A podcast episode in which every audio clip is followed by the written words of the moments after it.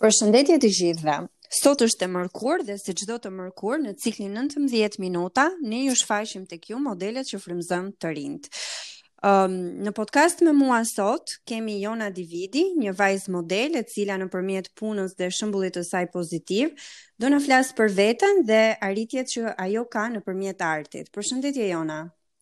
Përshëndetje Doralda dhe shumë faleminderit për ftesën. Është kënaqësi të ndajmë sot me ju momente jo vetëm nga jeta ime profesionale, por pse jo dhe nga puna dhe arritjet që kemi patur profesionalisht gjatë viteve.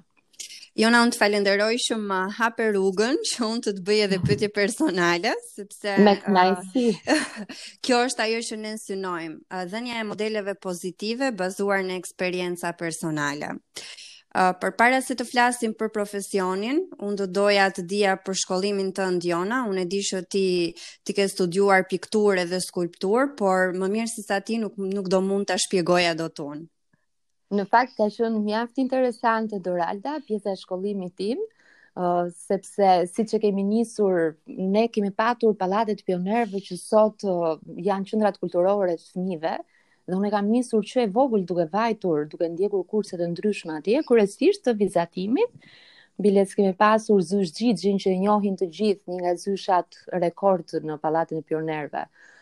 prej vitesh atje dhe më pas formimi im profesional vazhdoi me liceun artistik Jordan Misja, ku unë vazhdova si rrallë herë në fakt një degë e cila ishte sipas, uh, sipas ideve të kohës dhe vazhdonte të ishte dhe është në fakt edhe sot skulpturën, mm -hmm. pasi kryesisht pjesa më e madhe djemve shkonin për skulpturë. Ndërkohë që mendova, jo, pse mos bëj skulpturën? Është një degë ndryshe. Ndërkohë pikturën është dhe më e thjeshtë për të realizuar në shtëpi, në ambientet e një apartamenti normalisht. Dhe kështu veprova. Vazhdova skulpturën. Dhe në momentet që e vendosa që do bëhesha skulptore, vaja dhe diskutova edhe me familjen time, të cilët i kam pas mbështetje shumë të madhe. Dhe më thanë, "Jona, në qoftë se ti ke dëshirë, absolutisht ne do të mbështesim." Uh, dhe e vazhduam skulpturën. Skulptura është një dashuri më vete, është një dashuri më vete, jo vetëm se është skulpturë, sepse dhe piktura ka elementet e saj shumë të bukura, por sepse është tridimensionale, ti e prek, e ndjen formën, e ndjen plastikën që ka vetë forma dhe se si do ta ndërtosh atë.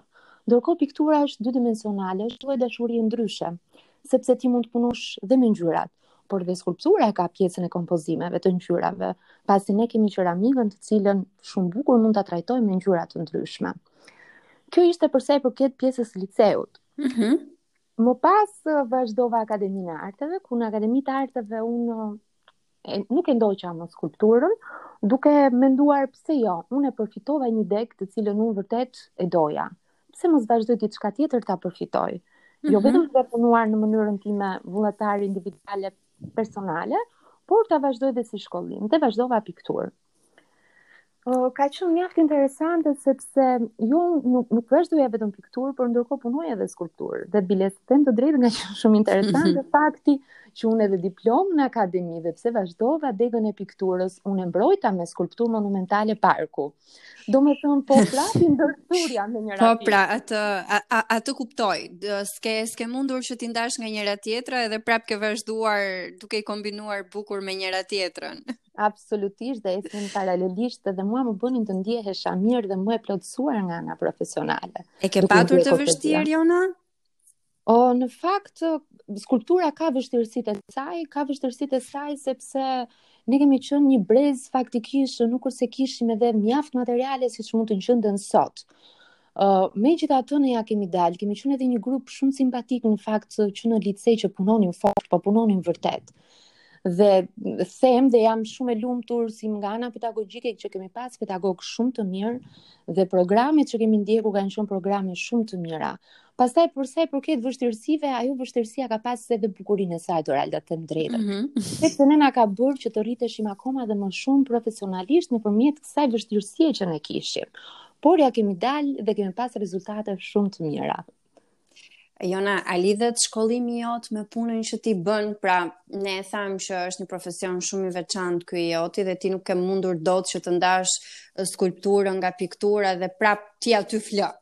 Por kur flitet për punësimin, pastaj gjithmonë ndodh që ti të shohësh tek vetja pikëpyetje dhe tek njerëzit përballë kur uh, ti u flet për pasionin tënd dhe ndoshta realiteti i punësimit nuk uh, nuk të jep dot mundësi që të përqasesh. Në fakt, Doralda, për sa i përket uh, qendrës Tirana Art, se si është themeluar, apo çfarë qasje ka pasur nga unë si Jonë dhe pse ndërmora këtë iniciativë, është pikërisht sepse unë përmenda liceun duke filluar nga liceu.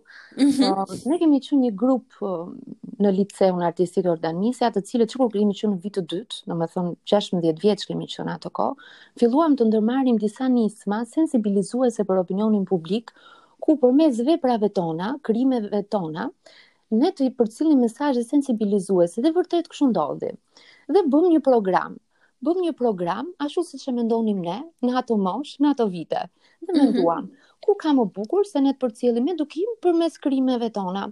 Atëherë, ishte uh, dita kundra dita botërore kundra duhanit dhe ne dilnim me krijimet tona për të përcjellë edukime përmes veprave, duke i thënë stop duhanit dhe të këqijave që përcilte në shëndet. Uh, ku alkoolit apo dhe fenomeneve të tjera apo ditëve të caktuara kalendarike, ne bënim aktivitete të ndryshme dhe kryesisht pjesa më e madhe e tyre ishte vullnetare. Mm -hmm. O, pamë që vërtet kishte një qasje ndryshe, të gjithë na përgëzonin, neve vazhdonim dhe punonim akoma më fort, kur merrnim merita dhe shikonim që dhe njerëzit kishin nevojë që të shikonin aktivitete ndryshe, me karakter social, po përmes krijimeve tona artistike, duke marrë parasysh ishim edhe një moshë relativisht e re. 16-17 vjet. Po. Unë këtu do të përmend dhe një aktivitet të cilën unë kam me shumë dëshirë uh, ta ndaj jo vetëm me ju, por dhe me miqtë e mi dhe të gjithë pjesën tjetër që do na dëgjojnë, pasi uh, në vitin 2001 ne ndërmorëm po prapë një aktivitet të bënim të realizonim një aktivitet kundër alkoolit. Uh, pse e realizuam kundër alkoolit? Në ato vite kanë qënë edhe Parku Rinia, kishte shumë kioska në Tiranë, domethënë, ka qënë një periudhë relativisht jo shumë e mirë, jo shumë e qetë dhe në Tiranë. Dhe ne menduam, pse jo, mos bëjmë dhe një aktivitet të tillë kundër alkoolit? Uh, morën pjesë shumë nxënës, jo vetëm nga liceu, por dhe jashtë, me krijime të ndryshme, ka pas kryesisht pikturë, fotografi, kolazhe, instalacione, Dhe skulpturë. Si e mendova unë që mund të merrja pjesë në këtë aktivitet?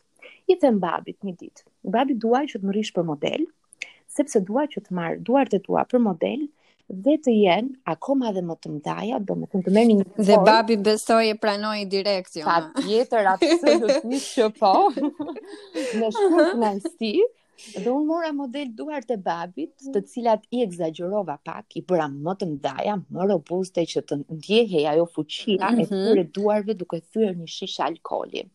Dhe realizuam. Në fakt e kam lodhur pak babin, por ato rezultatet përfundimtare kanë qenë gjithmonë mjaft të bukura, të cilat kjo pjesa e lodhjes nuk konsiderohej më për askënd nga ne. Unë mora çmimin e parë në këtë ekspozitë. Dhe disa momente më vonë, ne, mua më kontaktuan nga Ministria e Shëndetësisë dhe më thanë, mm -hmm. përderisa ti ke fituar çmimin e parë në këtë ekspozitë kundra alkoolit, uh, ne kemi dëshirë që ti të përfaqësosh Shqipërinë në një ekspozitë lëvizëse në Suedi, në Stockholm, pasi është konferenca botërore kundra alkoolit. normalisht vlerësim më të madh se kaq dhe për më tepër unë isha vetëm 17 vjeç. Dhe besoj ke qenë shumë entuziaste. Patjetër, jo, dhe mund, pa, absolutisht edhe familja ime. Dhe vërtet kështu ndodhi. Ne të gjithë ekspozitën që ishte në Tiranë, ne çuam në Stockholm. Domethënë, i përgatita të gjithë punimet dhe vajti ekspozita në Stockholm. Doralda ka qenë shumë interesante sepse ne kur vajtëm në konferencën botërore kundra alkoolit atje ne pamë që të gjithë shtetet përfaqësoheshin në stendat e tyre me informacione bazike apo statistika kundër alkoolit. Ishin përgatitur shtetet kryesisht. Ndërsa ne përveç këtyre statistikave, kishim ekspozitën e cila ishte unike në llojin e saj. Mm -hmm.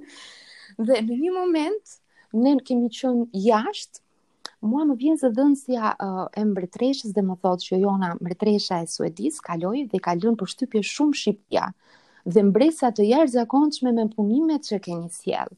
Sepse përveçse është unike, askush tjetër nuk ka sjellë ekspozitë arti, i ka pëlqyer dhe një skulpturë që mbante emrin tënd. Aty Doralda normalisht që u ndjeva shumë emocionuar, i telefonova familjes time, edhe me grupin që kemi qenë, e vendosëm që skulpturën t'ia dhuronim mbretëreshës së Suedisë. Dhe ajo skulpturë sot ndodhet atje.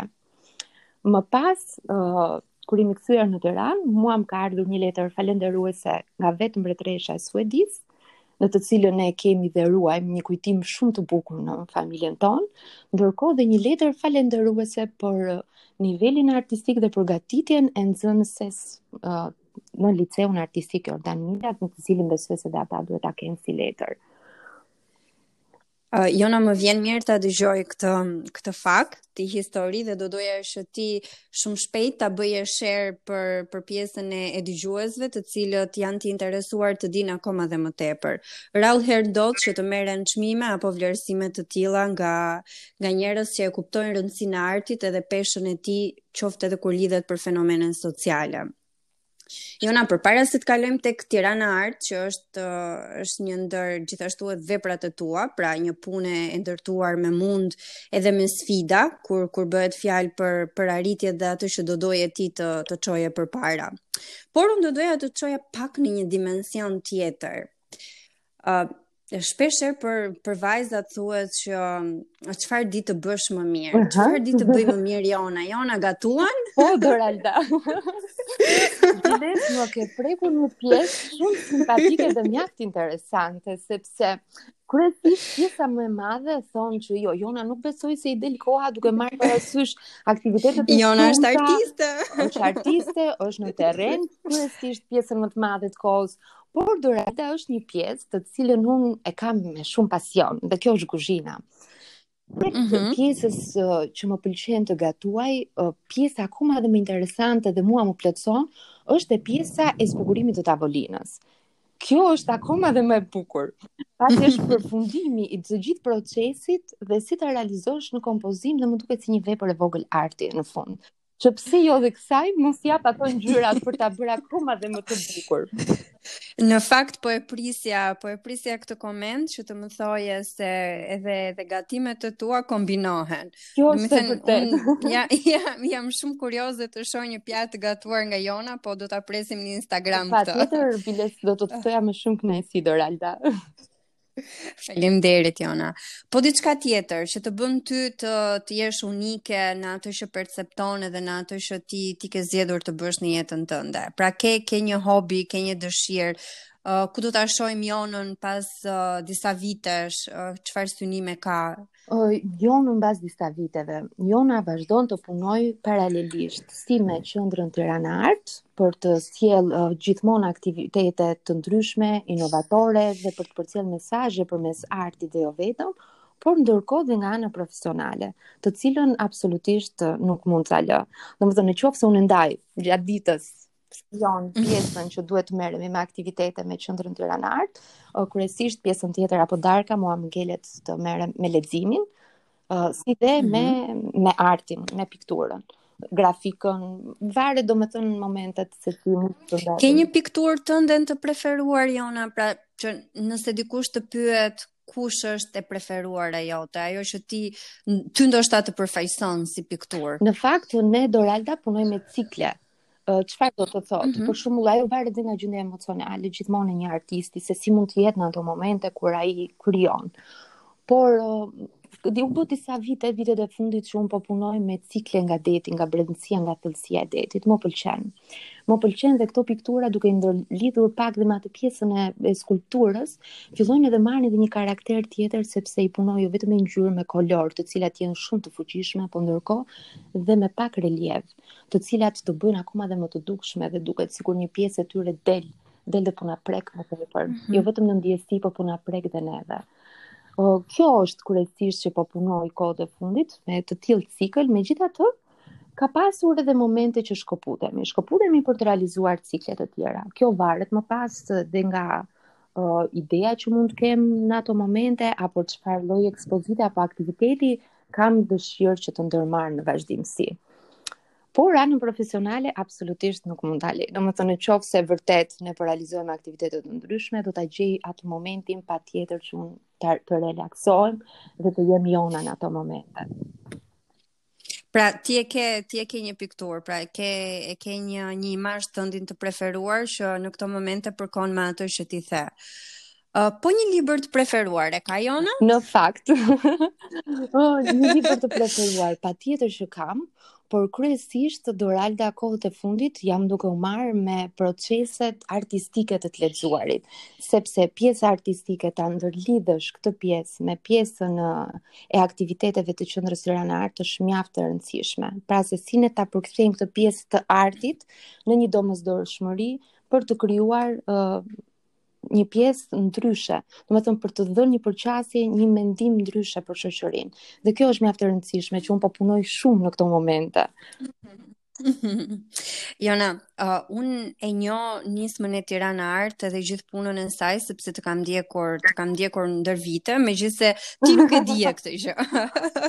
po për dëgjuesit, çfarë do doje të të veçoje nga nga puna e Tirana Art? Pra, ka diçka specifike në një aktivitet të veçantë, aktivitetin e fundit me të cilin jeni duke punuar fort që janë letrat e bukës, diçka diçka konkrete nga Tirana Art për ta njohur edhe pjesa e dëgjuesve, të cilët besoj janë kurioz tashmë. Po, patjetër me shumë kënaqësi në fakt kemi ndërmarrë aq shumë aktivitete sa sa që do më vinte keq të veçoja ndonjërin prej tyre dhe mos t'i jepja vlerën e merituar.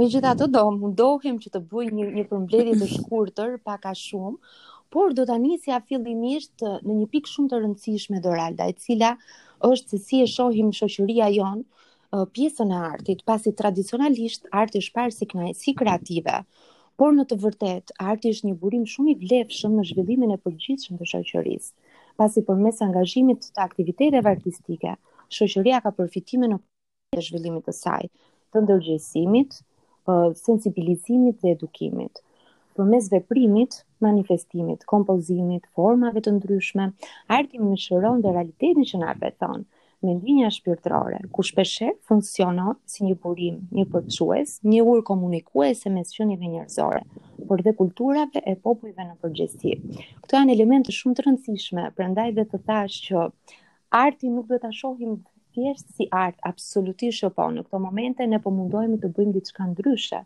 të shprehemi përmes artit dhe të japim opinione të ndryshme apo edukim, sensibilizim përmes artit. Qendra Tirana Art, që nga themelimi i saj, ka zbatuar projekte të ndryshme për të drejtat e njeriut, për përfshirjen sociale, të drejtat e fëmijëve, parandalimin e trafikimit të qenieve njerëzore, diversitetin edhe shumë aktivitete të ndryshme. Ndër fokuset kryesore të aktiviteteve të qendrës Tirana Art janë të rinjtë dhe inkurajimi i tyre për të kontribuar në përmirësimin e komunitetit dhe lehtësimin e problemeve të ndryshme sociale, në të cilat përballet shoqëria shqiptare, për të edukuar dhe rritur ndërgjegjësimin e të rinjve.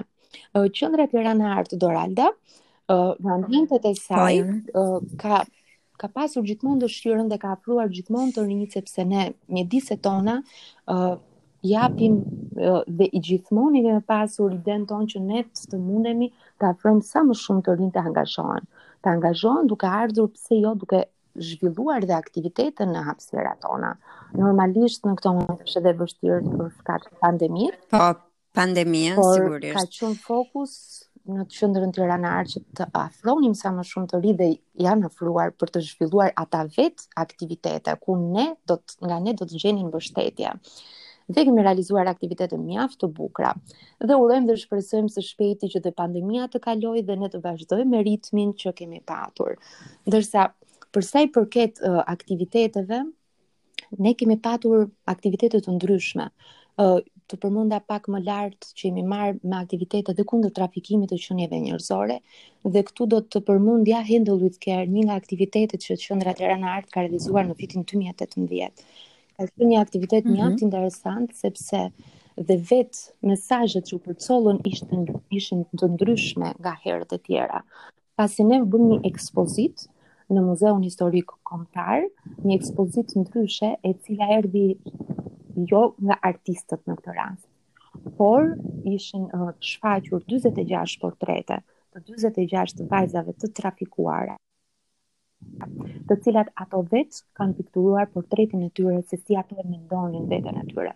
Ka qenë një moment shumë interesant Doralda pasi kryesisht pjesa më e madhe e portreteve që ndodheshin në ekspozitë për ato 46 uh, mm -hmm. po t'i shikoje me vëmendje kryesisht pjesa e tyre ishin vajza me kurora princeshash apo mbretëreshash dhe është ajo fëmijëria e munguar e tyre dhe që në këtë qasje ti fillon edhe shikon ndryshe.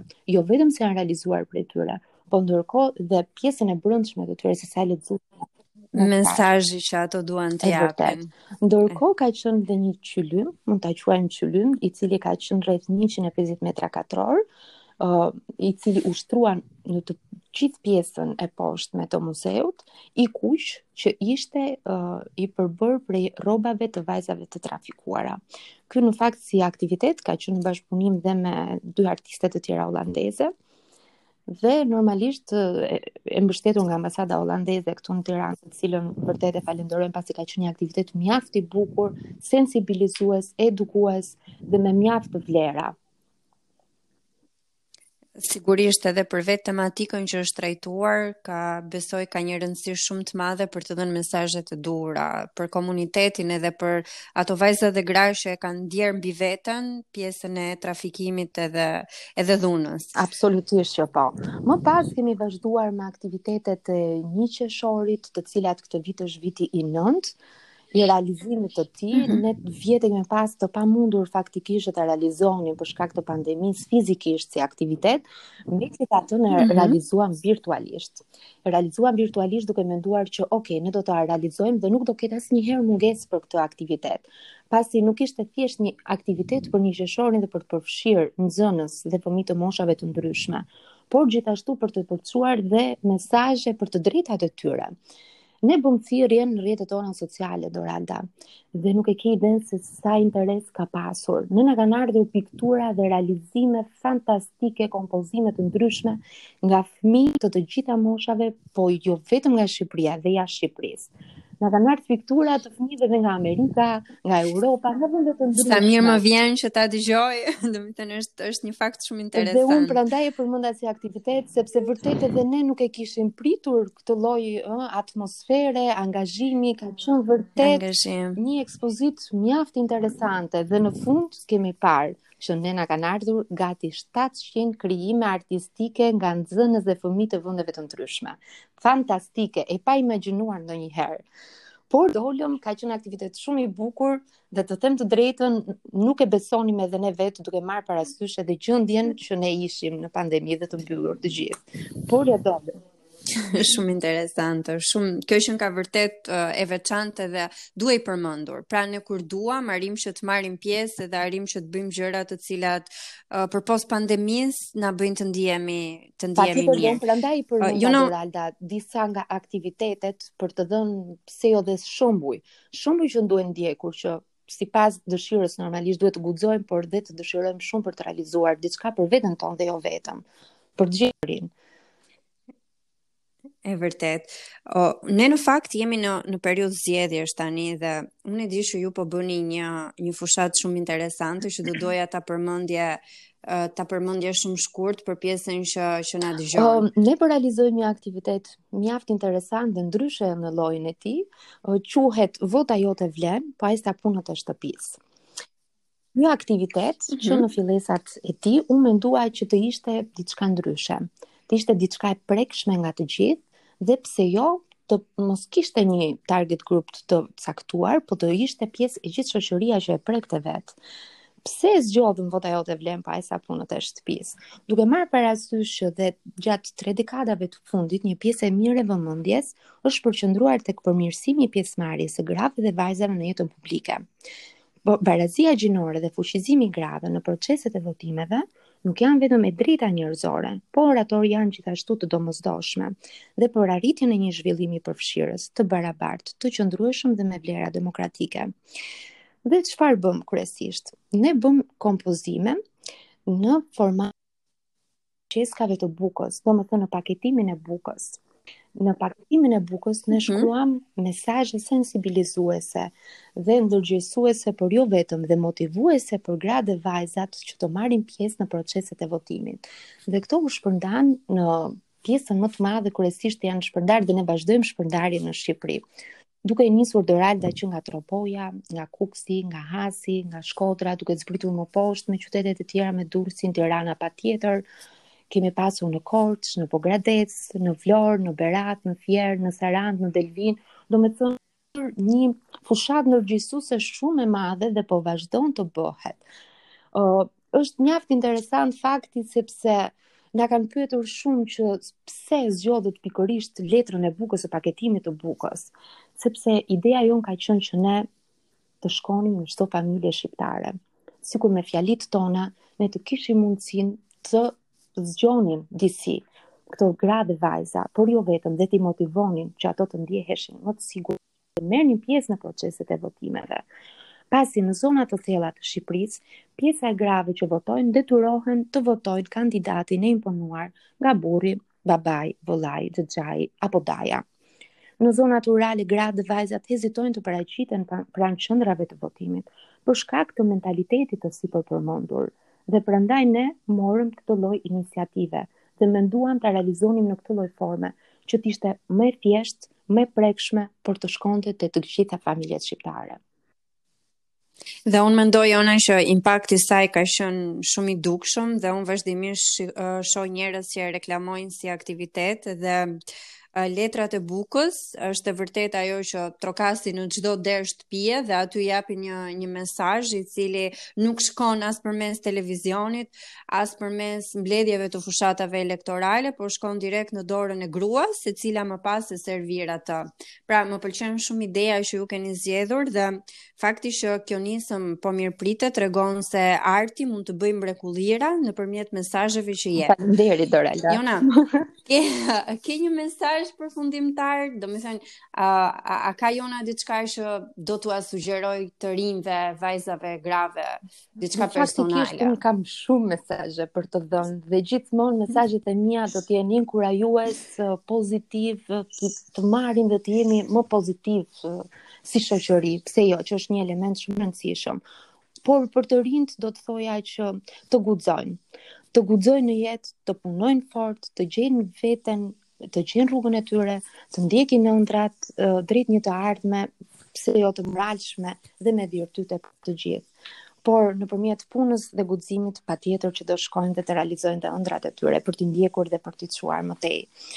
Për sa i përket pjesës artistike, unë do të thoja një fjali të fundit Doralda, mm -hmm. ndoshta u zgjatëm shumë, pasi me të vërtetë mund të vazhdonim për të folur akoma dhe më tej por minutazhi. Sigurisht. Do të thoja që nuk ka një shoqëri të shëndoshë dhe të përmbushur pa zhvillimin apo promovimin e artit dhe të kulturës së saj, e cila është një pjesë shumë e rëndësishme e jona, dhe jo vetëm. Uh, Jona, unë të falenderoj shumë që mua më lejove të të njoh në një dimension tjetër, po jam shumë e bindur që edhe dëgjuesit e Futura do din të vlerësojnë një artiste e cila përçon mesazhe shumë të bukura nëpërmjet punës dhe veprimtarive të saj.